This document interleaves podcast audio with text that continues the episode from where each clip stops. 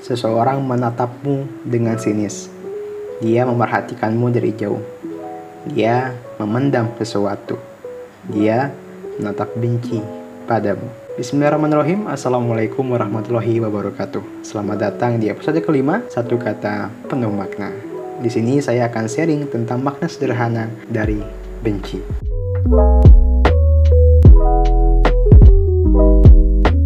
Kamu kembali menatapnya. Kamu heran. Apa salah saya? Apa yang terjadi? Dia yang menatapmu pergi menjauh.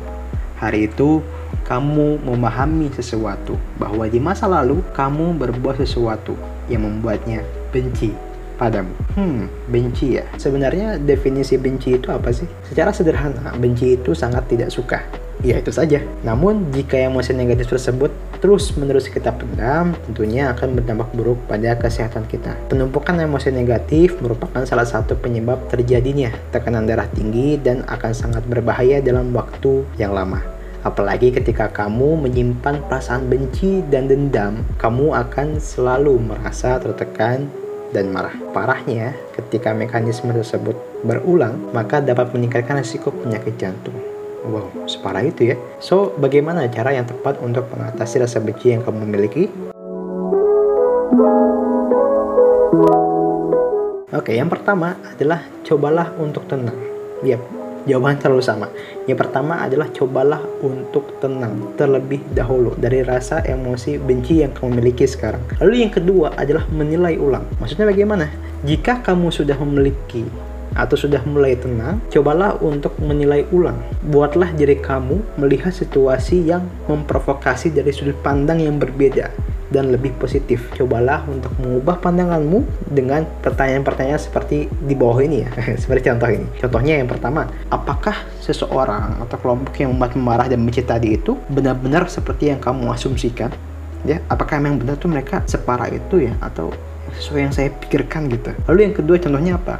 Apakah situasi saat ini memang seburuk yang kamu rasakan, yang kita rasakan, atau hanya kita menganggapnya terlalu serius? Sebenarnya mereka itu separah itu nggak sih ke kita? Atau mungkin enggak?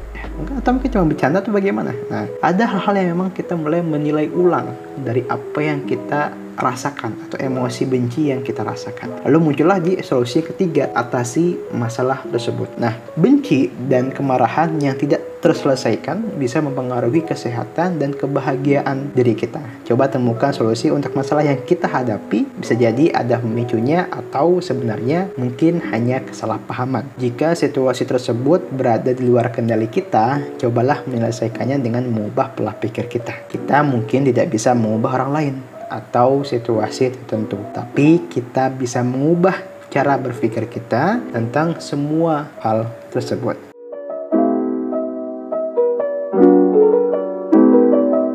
benci akan selalu hadir dalam kehidupan kita. Tinggal kita yang memutuskan apakah kita mau untuk mengendalikan rasa benci kita terhadap orang lain atau terlarut dalam kebencian yang kita bentuk sendiri.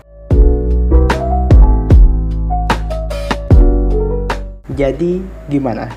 Apakah pertanyaanmu tentang makna benci terjawab?